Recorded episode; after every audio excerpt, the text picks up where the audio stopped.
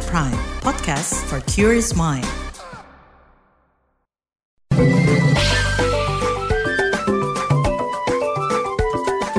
WhatsApp Indonesia.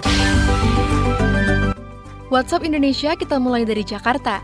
Presiden Joko Widodo Jokowi mengaku menghargai keputusan Mahfud MD yang berencana mundur dari jabatannya sebagai Menteri Koordinator Politik Hukum dan Keamanan Menko Polhukam Menurutnya, keputusan itu merupakan hak pribadi yang bersangkutan. Itu disampaikan Jokowi di Pangkalan TNI Angkatan Udara Halim Perdana Kusuma, Jakarta. Sebelumnya, Menteri Koordinator Bidang Politik Hukum dan Keamanan Mahfud MD menyatakan keinginannya untuk mundur dari Kabinet Indonesia Maju.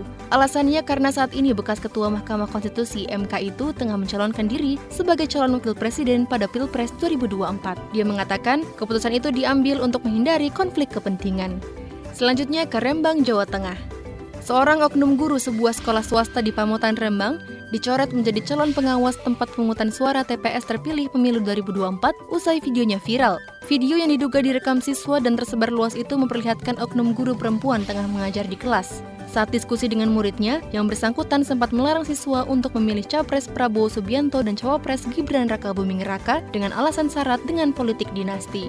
Ia juga meminta siswanya yang memuji Prabowo menunjukkan apa prestasi Capres tersebut. Pihak sekolah sudah menyampaikan tanggapan bahwa oknum guru itu tidak bermaksud mengarahkan muridnya ke pasangan calon tertentu, namun diklaim hanya sebagai bentuk edukasi. Sementara, Ketua Badan Pengawas Pemilihan Umum Bawaslu Kabupaten Rembang, Totok Suparyanto menjelaskan, status guru itu bukan pegawai negeri, kades, perangkat desa maupun profesi lain yang diperintahkan undang-undang bersikap netral. Secara kebetulan, yang bersangkutan menjadi calon pengawas TPS di Kecamatan Pancur. Setelah klarifikasi dan munculnya tanggapan masyarakat yang menyoroti ketidaknetralan, maka ia dicoret dari daftar calon pengawas TPS terpilih sebelum pelantikan.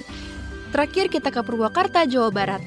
Kombinasi pembangkit listrik tenaga surya PLTS dan pembangkit listrik tenaga air PLTA di satu wilayah dinilai mampu membuat pasokan listrik tetap stabil. Manfaat kombinasi yang bermanfaat tersebut terjadi pada PLTA dan PLTS Terapung Cirata. Hal ini disampaikan Direktur Operasional PT Pembangkitan Jawa Bali Masdar Solar Energy PMSS sebagai pengelola PLTS Terapung Cirata Dimas Kaharudin.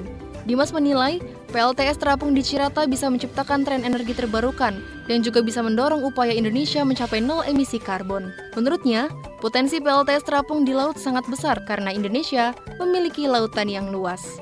Demikian WhatsApp Indonesia hari ini.